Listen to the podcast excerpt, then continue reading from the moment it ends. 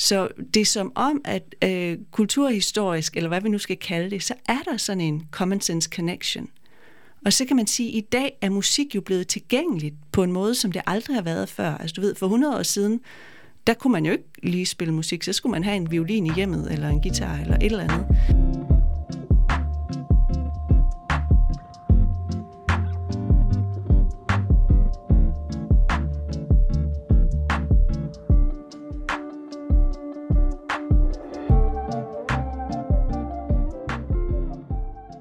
Hej og velkommen til Videnskabskanonen, din videnskabspodcast.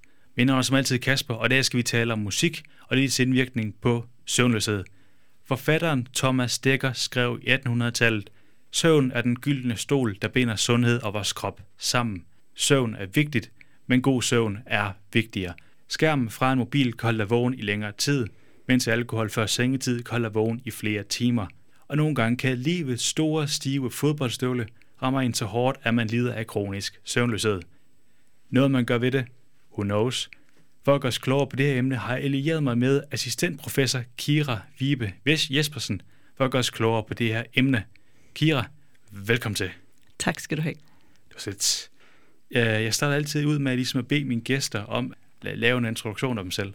Kan du se lidt om dig selv og hvad du laver til, øh, til hverdag? Ja, Øhm, jeg er til hverdag er jeg adjunkt ved det, der hedder Center for Music in the Brain her på Aarhus Universitet øh, på Institut for Klinisk Medicin. Og øh, der arbejder jeg primært med forskning øh, og ind omkring musik og sundhed, og med en særlig interesse omkring det her med musik og søvn, og er musik i gavnligt for søvnløshed eller ej, og i givet fald, hvad er det så musik gør, ja. som øh, kan have en påvirkning på søvnen? Beskæftiger du også med musik til, øh, til hverdag? Jeg har spillet rigtig meget musik selv, øhm, så hvad skal man sige, en del af min interesse kommer naturligvis også derfra. Hvad for en, øh, hvad for en genre? Meget forskelligt. Jeg har sunget i klassisk kor, i Aarhus Universitetskor i mange år. Jeg har spillet country, jeg har spillet indie rock, jeg har lavet musicals. Jeg har lavet meget forskelligt. Ah, hvor spændende. Det, det hænger så, helt, så det her lidt op af din øh, boldgade, kan man sige. Øh, ja, det har været en måde for mig at ligesom kombinere du ved, den passion og interesse for musik med et arbejdsliv, hvor jeg også jeg har læst psykologi og musikterapi og ligesom en, også en intellektuel og nysgerrighed omkring, hvad er det, musik gør, hvordan er det, det påvirker os. Det er virkelig spændende, at, du, at man kan flette det ind på den måde. Uh, sådan noget har jeg virkelig respekt for. Lige her til at starte med, inden vi, inden vi går ind til de øh, uh, nitty-gritty, tror jeg, det vil være en uh, god idé at få styr på, hvad søvnløshed egentlig er. Uh, lige for at få defineret, hvad søvnløshed eller insomnia egentlig er. Kan du lægge nogle ord på det? Det kan du tro. Altså søvnløshed er jo, som ordet også hentyder, når man har svært ved at sove. Det kan være enten, at man har svært ved at falde i søvn, når man går i seng om aftenen.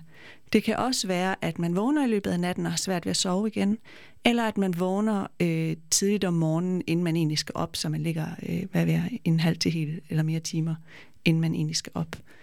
Øhm, og det kan også være øh, relateret til følelsen af, at man måske egentlig har sovet, men har sovet lidt let og overhovedet ikke føler sig udvilet. Øhm, så det er ligesom den brede beskrivelse af søvnløshed. Så er der også en diagnose, som på dansk hedder søvnløshed, som er det, der hedder insomnia disorder på engelsk. Der siger man, at det skal være de her symptomer, og det skal være mindst tre nætter om ugen, i minimum tre måneder, og det skal være i sådan en grad, at det, at det forstyrrer eller forringer ens daglige funktionsniveau. Så det er altså ikke bare, at man sover dårligt om natten, men det er rent faktisk også, at det påvirker en på en måde, øh, hvor man synes, at det er svært at leve livet, sådan som man egentlig gerne vil. Det er rigtig god mening. Er det et øh, problem i Danmark? Det er det desværre over hele verden. Øhm, den seneste rapport om danskernes sundhed, som kom i 2021, viste, at øh, graden, andelen af mennesker, som var meget besværet af sundhedshed, faktisk var steget til 15 procent, hvor den tilbage i 2010 lå på 10 procent. Så omkring 15 procent af danskerne oplever, at de er meget besværet af sundhedshed. Og det er jo et, hvad skal man sige, virkelig mange, mange mennesker. Det er det. Ja. Øh, er der sådan en bestemt gruppe, øh, det her mest øh, relevant for? Eller det størst for? Altså netop, alle, vi oplever alle sammen søvnløshed i perioder, og heldigvis er det oftest ligesom det, man ville sige akut. Når der sker et eller andet i ens liv, det kan være, at man skal til eksamen, det kan være, at man skal flytte. Det kan så godt være, at man skal giftes som en glædelig ting, men stadigvæk spændingen og nervøsiteten osv. kan give søvnløshed. Øhm, så, så det, men hvad skal man sige, når det, som udløser søvnløsheden, ligesom har lagt sig, jamen så sover man fint igen. Det oplever vi alle sammen i løbet af vores liv.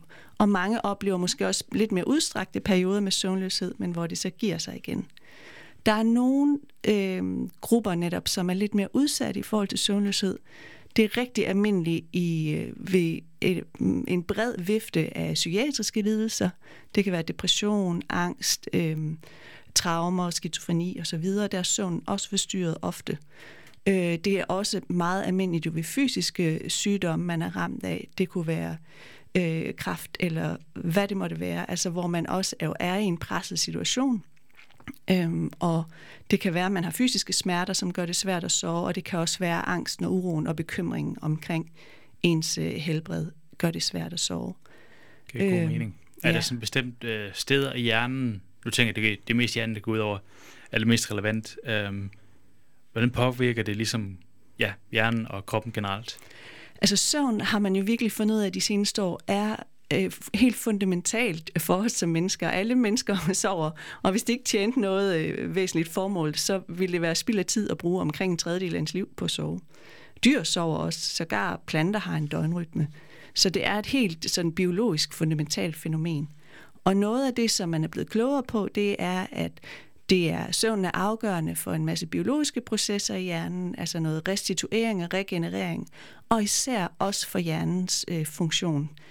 Øhm, der kom nogle resultater for nogle år siden, som viste, at rensningen af hjernen, eller hvad kan man sige, udskillelsen af, af affaldsstoffer i hjernen, er markant kraftigere om natten øh, under søvn. Så der sker virkelig en renselsesproces i hjernen, øh, som er vigtig. Øh, så, og derudover så er der også studier, der peger på, at søvn er rigtig vigtig for en velfungerende hukommelse. Der sker en masse ah, læringsprocesser, ja. og også øh, emotionelle områder og bearbejdning øh, i hjernen er, øh, er forøget under søvn, eller øh, det er noget af det, der bliver påvirket, hvis man sover dårligt. Ja. Blandt andet læst et, øh, et studie, hvor der stod, at, at altså, en, øh, ja, led af søvnløshed, så i den gældende periode var der 39 regioner og 39 øh, strukturelle link, der faktisk var påvirket op i hjernen. Jeg synes, det var meget spændende, især fordi det sådan taler meget om, ja, hvor komplekst det nok virkeligheden er. Har ja. du en idé om, hvor det er lokaliseret sådan nogenlunde? Altså, vi lavede et studie for nogle år siden, hvor vi netop kiggede på den, øh, det, man kalder den strukturelle konnektivitet i hjernen, altså mm, det fysiske forbindelse af, af, af hjerneområder. Og der så vi netop et netværk, øh, som var mindre forbundet hos mennesker med vedvarende søvnløshed, i sammenligning med, øh, med mennesker, øh, matchede øh, mennesker i køn og alder osv., øh, som ikke havde søvnproblemer. Og det var... Øh, især områder, som var relateret til øhm, emotionel bearbejdning netop. Altså vi så en, en øh, sværere forbindelse mellem frontale og nogle subkortikale områder, som var relateret til emotionel bearbejdning.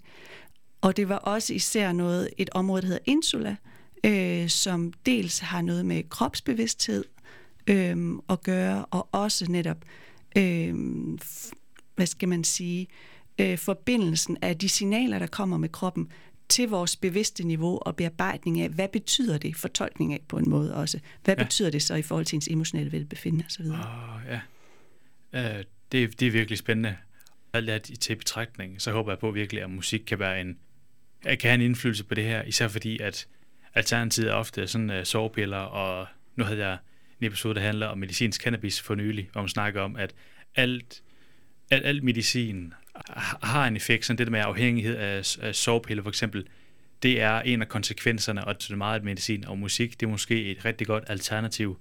I lavede blandt andet et forsøg på et tidspunkt, hvor jeg så på, hvordan musik kan påvirke hjernen, hvor I sådan brugte forsøgsdeltager, som er led af søvnløshed. Kan du sige, hvordan I opbyggede forsøget, og hvad det var, I fandt frem til?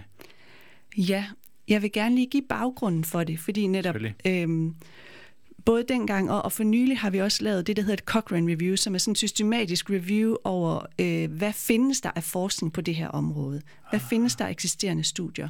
Ja. Øh, og i det, som lige er udgivet nu her i august, øh, der ser vi, at der, er, øh, der var 13 studier, som har undersøgt effekten af musik på søvn hos mennesker med søvnbesvær. Øh, og 10 af dem kunne så indgå i det, man kalder en meta-analyse, hvor man ligesom slår resultaterne sammen og ser, hvad viser det så? Og det viste en gavnlig effekt af søvnen. Og desværre var det sådan, at mange af studierne øh, havde en øh, ikke en ordentlig beskrivelse af, hvad var det for nogle søvnproblemer, mennesken havde. Og netop, de havde heller ikke nogen objektive mål på søvn. De havde kun subjektive mål, hvor man spurgte folk ved hjælp af nogle validerede spørgeskemaer, og det er absolut også betydningsfuldt. Men netop, det er interessant også at se, hvad er det, musikken gør, når vi måler objektivt på søvnen? Hvad, hvad sker der så? Og derfor lavede vi det her øh, øh, studie, som var det, der man kalder et randomiseret, kontrolleret studie, som ligesom er det design, som er bedst til, at, når man skal se på effekten af noget. Og der havde vi mennesker med vedvarende søvnproblemer, som kom ind. Nogen lyttede til musik, nogen lyttede til lydbøger, og nogen øh, gjorde, som de plejede. Altså var ligesom på sådan en venteliste kontrolgruppe. Ja. Øh, og så målte vi deres søvn før og efter en tre ugers periode, øh, hvor de så enten ja, lyttede til musik, lydbøger, eller gjorde, som de plejede øhm, og så på, om ser vi nogle ændringer. Og vi så, at øh, hos den gruppe, der lyttede til musik, der oplevede de en forbedring i deres søvn øh, og en tendens til færre øh, insomnisymptomer, øh, især i forhold til indsovningen, altså det med at falde i søvn. Øh, når vi kiggede på, øh, så det, det var, når vi spurgte dem, hvad ja. var deres oplevelse. Når vi så målte deres søvn ved hjælp af det, der hedder EEG eller polysomnografi, som er sådan netop den ypperste form for søvnmåling, man kan lave, hvor man både kigger på mønstret hjerneaktiviteten og nogle andre fysiologiske parametre også, hvor man ligesom kan score de forskellige søvnfaser og sådan nogle ting. Hmm. Øhm, der så vi faktisk ikke nogen ændringer i de objektive øh, søvnmønstre. Der var faktisk en tendens til igen, at indsovningen faktisk var lidt kortere, eller blev lidt kortere hos dem, der lyttede til musik, hvilket ikke var tilfældet i de andre to grupper. Ah. Men det var en, en relativt, øh, det var 10 minutter, og det var ikke sådan en fuldstændig klokkeklar effekt. Øhm, så der var noget, der pegede på netop, at folk oplever, at de sover bedre, hvilket er, er også rigtig væsentligt. Men vi kunne faktisk ikke se i de objektive søvnmål, hvad er det, der har ændret sig. Øhm, og det kan jo lyde virkelig mærkeligt. Men faktisk er det sådan, at man ofte ser den her uoverensstemmelse hos mennesker med søvnløshed mellem deres øh, objekt, oplevelse af søvnen og når man måler søvnen med ligesom objektive parametre. Det er det. Øh, så man kan også sige, at kvaliteten af deres søvn måske blev bedre, men det havde ikke decideret nogen... Men det er lidt svært at definere og sige, at det decideret havde en sådan indvirkning på mængden af søvn. Som siger, det kan godt være, at de kun sov øh, 6 timer, men det var nogle gode 6 timer. Ja. Fordi ingen søvning var kortere, øh, ja. og de måske vågnede mindre. Det er i hvert fald, altså hvad skal man sige, det var det, som det pegede hen imod, og faktisk lige nu er vi i gang med et opfølgende studie på det, hvor vi kigger på mennesker specifikt med indsovningsbesvær, øh, og hvor vi også har lidt flere deltagere med. Fordi det, der er, når man kigger på de objektive mål, at der forventer vi, at effekterne er formentlig lidt mindre. Fordi vi ved, at hele det biologiske system kan godt være lidt mere træt nogle gange og skabe ja, ja. ændringer i. Så det betyder også, at for at få nok det, vi kalder statistisk power, altså for at kunne se også mere subtile ændringer, der skal man have flere deltagere med for at kunne spotte det. Det er klart. Så det prøver vi nu. Det giver god, rigtig god mening. Og jeg kan også se, det, øh, det, det kan være svært at lave øh, forskning på.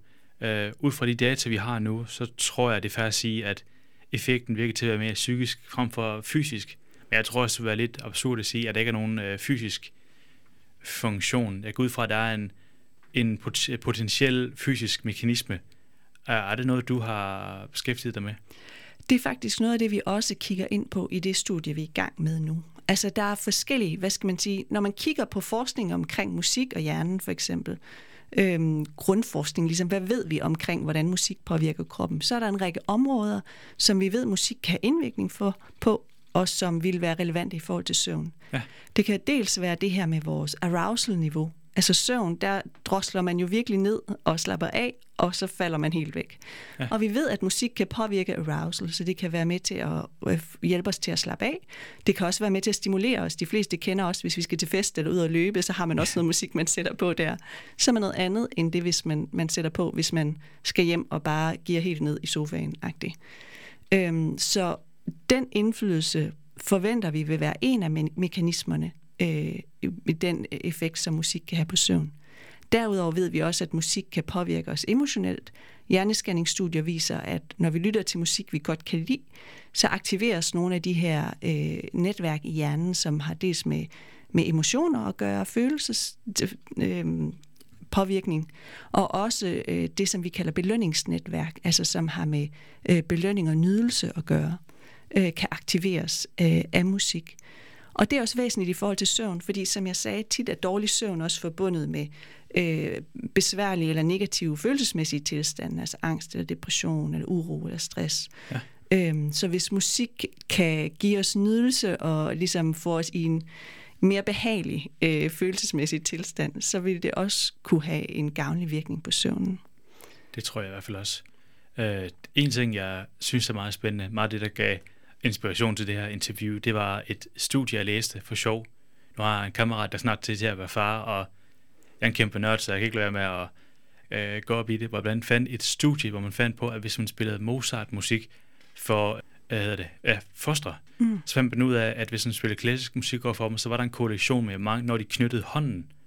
Og man fandt ud af bagefter, jeg ved ikke hvordan, men så fandt man ud af, at de generelt havde lidt bedre udviklede hjerner. Det var i hvert fald det, de påstod i studiet. Og jeg synes, det var meget spændende, især fordi, at nu på det punkt, hvor der er ikke noget bias, barnet kan ikke reagere på sin udadgående, altså det eksterne miljø så godt, som det kan, når det endelig er blevet født. Så hvis det reagerer på musik allerede i det stadie, så tror jeg, at der er noget om snakken. Mm.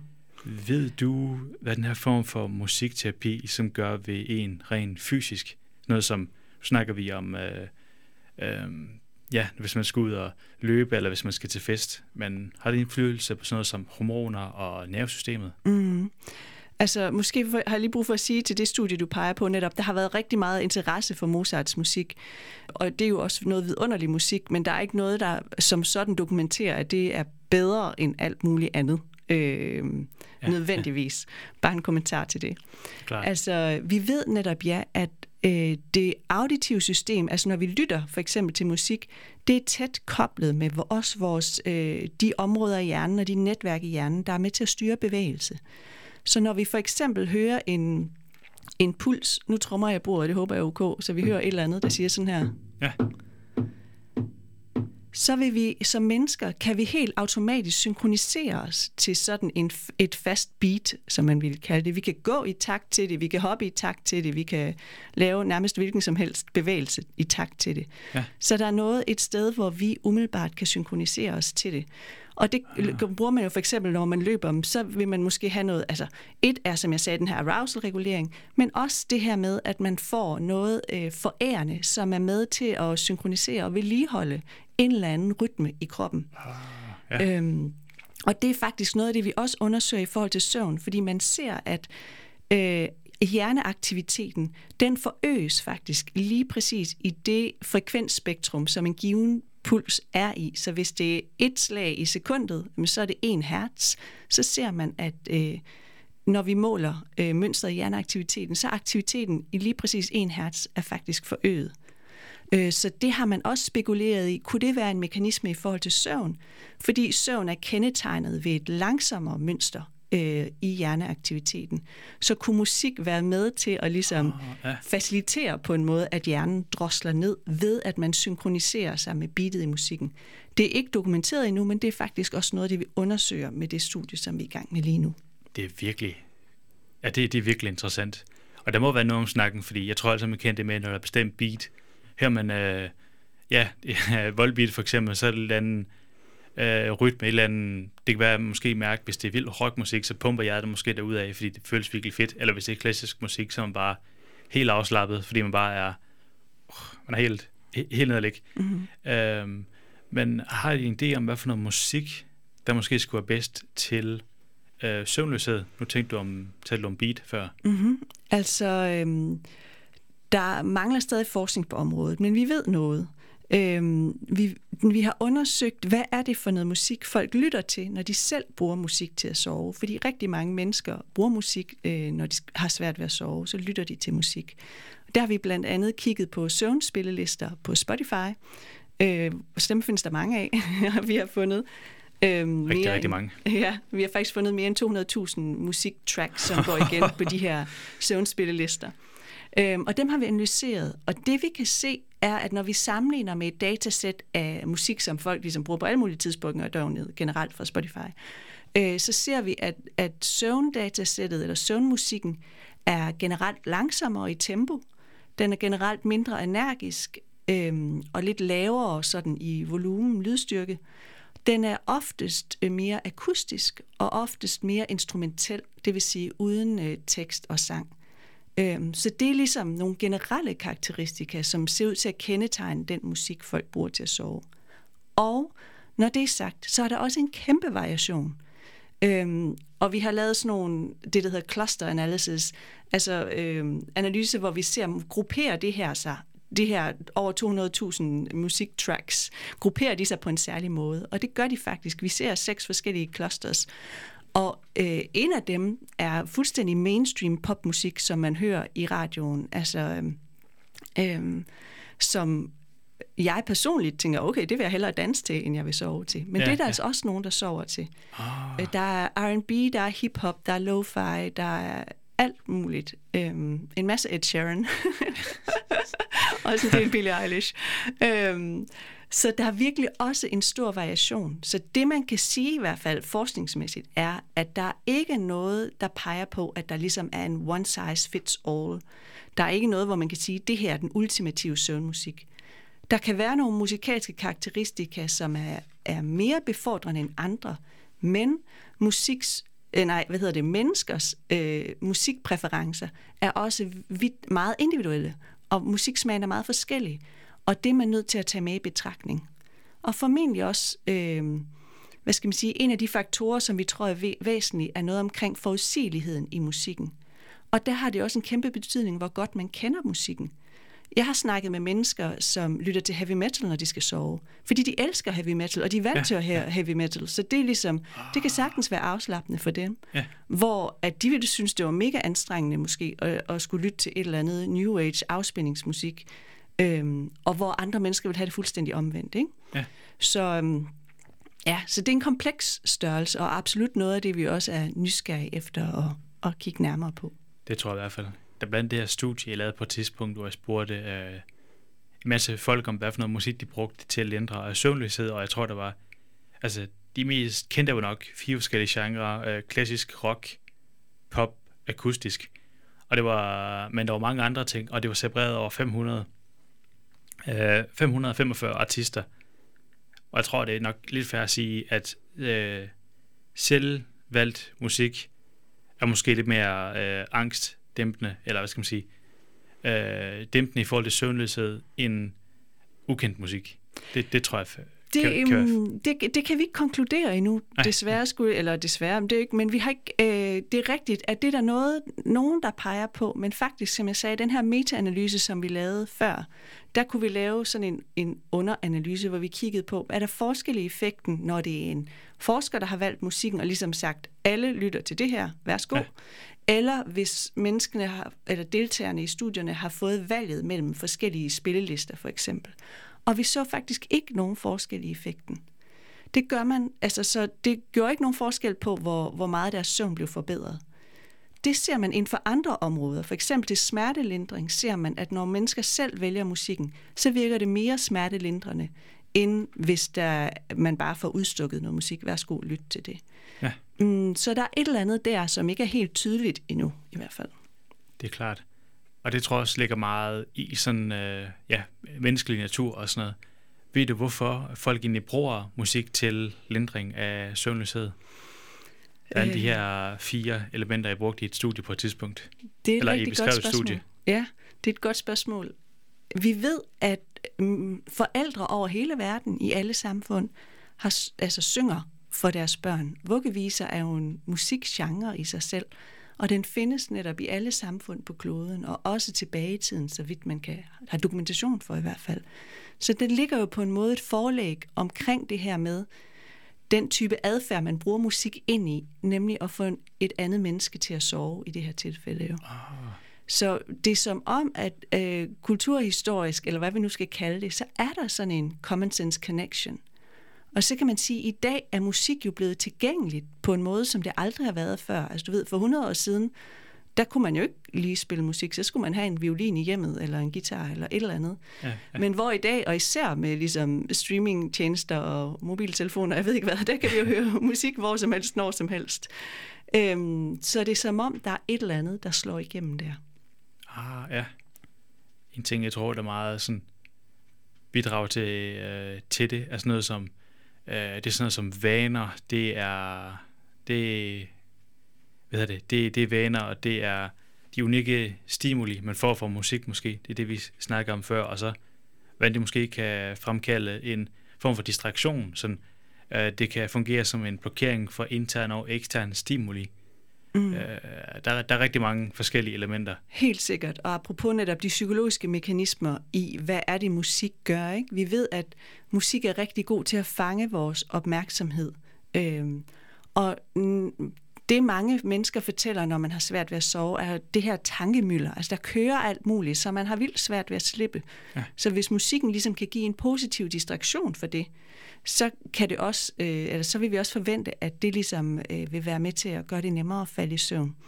Ah. Øhm, og du har ret, så når man spørger folk, hvorfor bruger de musik til at sove, så er det nogle af de her ting, de nævner. Det kan være distraktion. Det kan også bare netop, som du siger, være en vane. Men jeg elsker musik, og det er enormt behageligt for mig at lytte til det om aftenen, når jeg skal sove.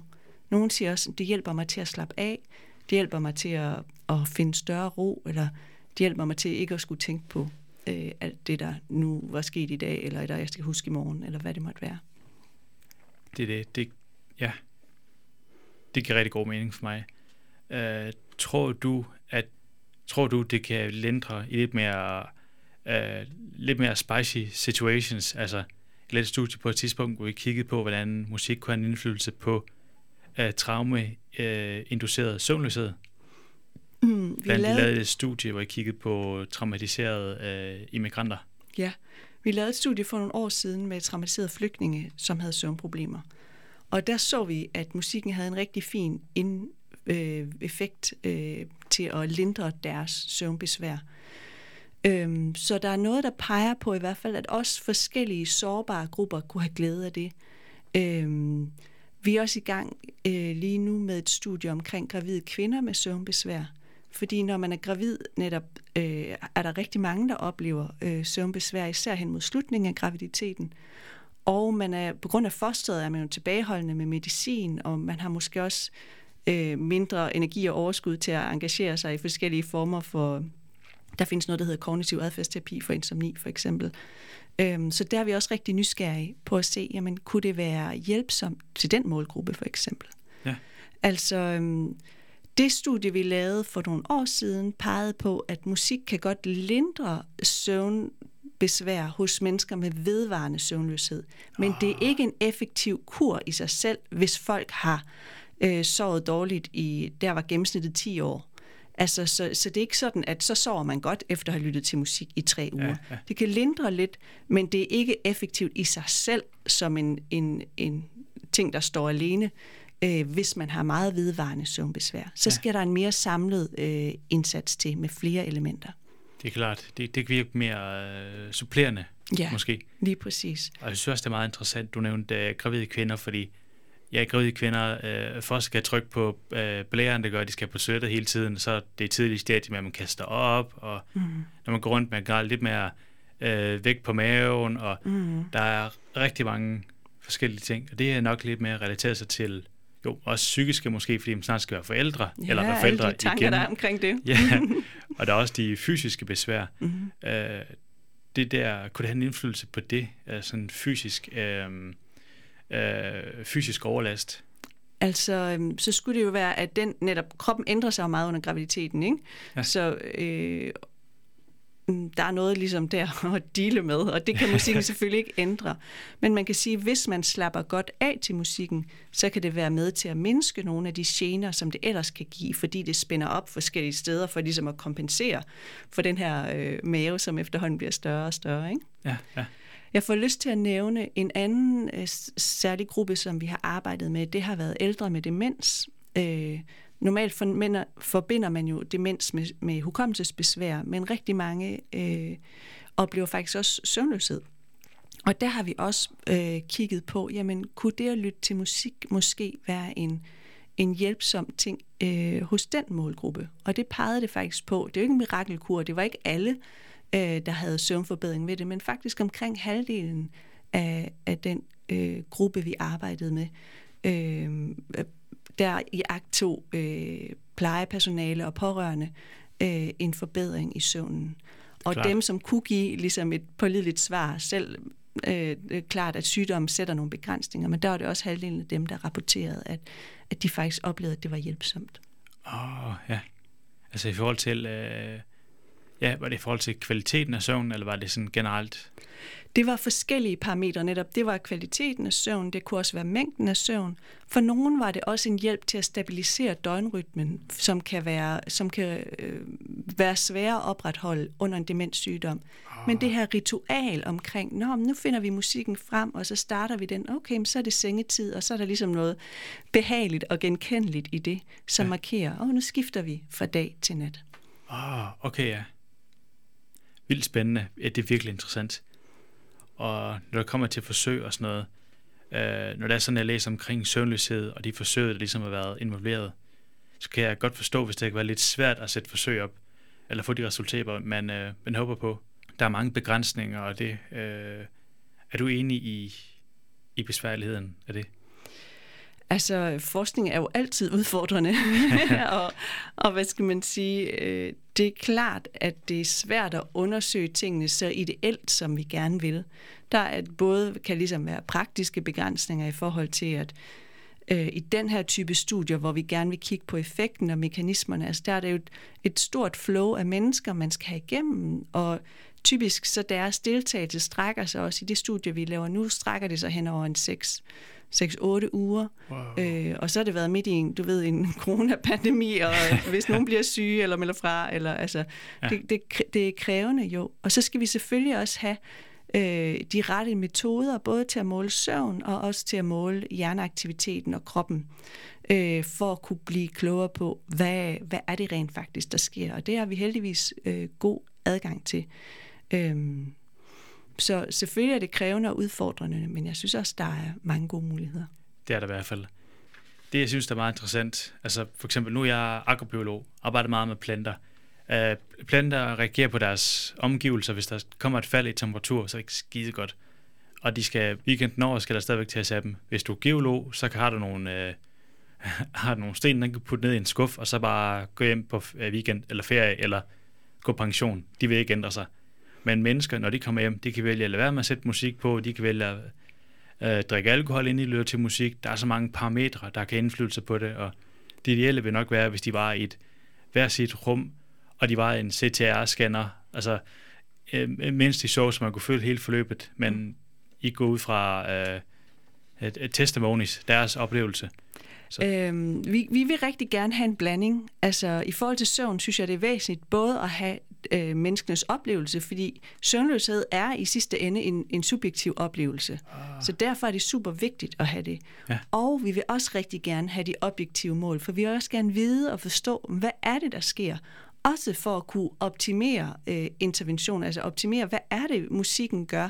Hvad er det for nogle parametre, vi eventuelt skal skrue på ved musikken, ja. i forhold til timing, eller varighed, eller typen af musik osv., øhm, så vi vil gerne have begge dele. Og så er det rigtigt, som du siger, altså mennesker er jo bare en virkelig kompliceret størrelse.